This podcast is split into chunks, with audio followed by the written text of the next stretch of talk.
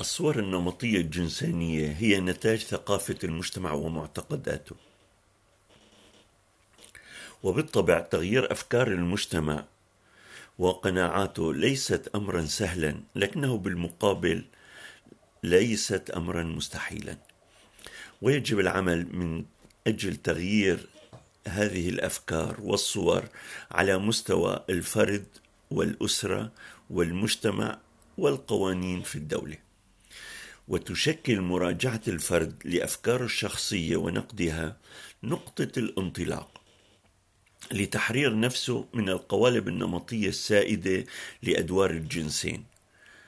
وعلى المستوى الأوسع مراجعة طريقة التنشئة والتربية داخل الأسرة لكي يرى الأطفال في المنزل منذ الصغر أن الأدوار غير محددة بجنس معين وهي مسؤولية مشتركة للجنسين. وأن ما يمكن للمرأة أن تفعله يمكن للرجل أن يفعله أيضا. والعكس صحيح سواء في المنزل أو في العمل. ولا تفاضل بين الأدوار. وإن كان أحد الطرفين مسؤولا عن جلب الأموال إلى المنزل فليس لأنه أفضل أو أسوأ وإنما لأنه قرار مدروس من جانب كليهما. وعلى المستوى المجتمعي يجب رفض الصور النمطية الجنسانية في الكتب والبرامج الدراسية والإعلام والإعلان وصولا إلى إلغاء جميع القوانين التمييزية. فالمرأة ليست كما تصور لنا في المناهج الدراسية مجرد دمية حلوة أو أم راعية وزوجة مطيعة وطاهية في المطبخ والرجل ليس فقط زعيم أو يؤمن المصروف أو أنه قوي وعليه دائما أن يخفي دموعه عندما يكون حزينا. ولا كما يصورها في الإعلام عبر اللغة والمفردات والنكات والتعليقات المسيئة.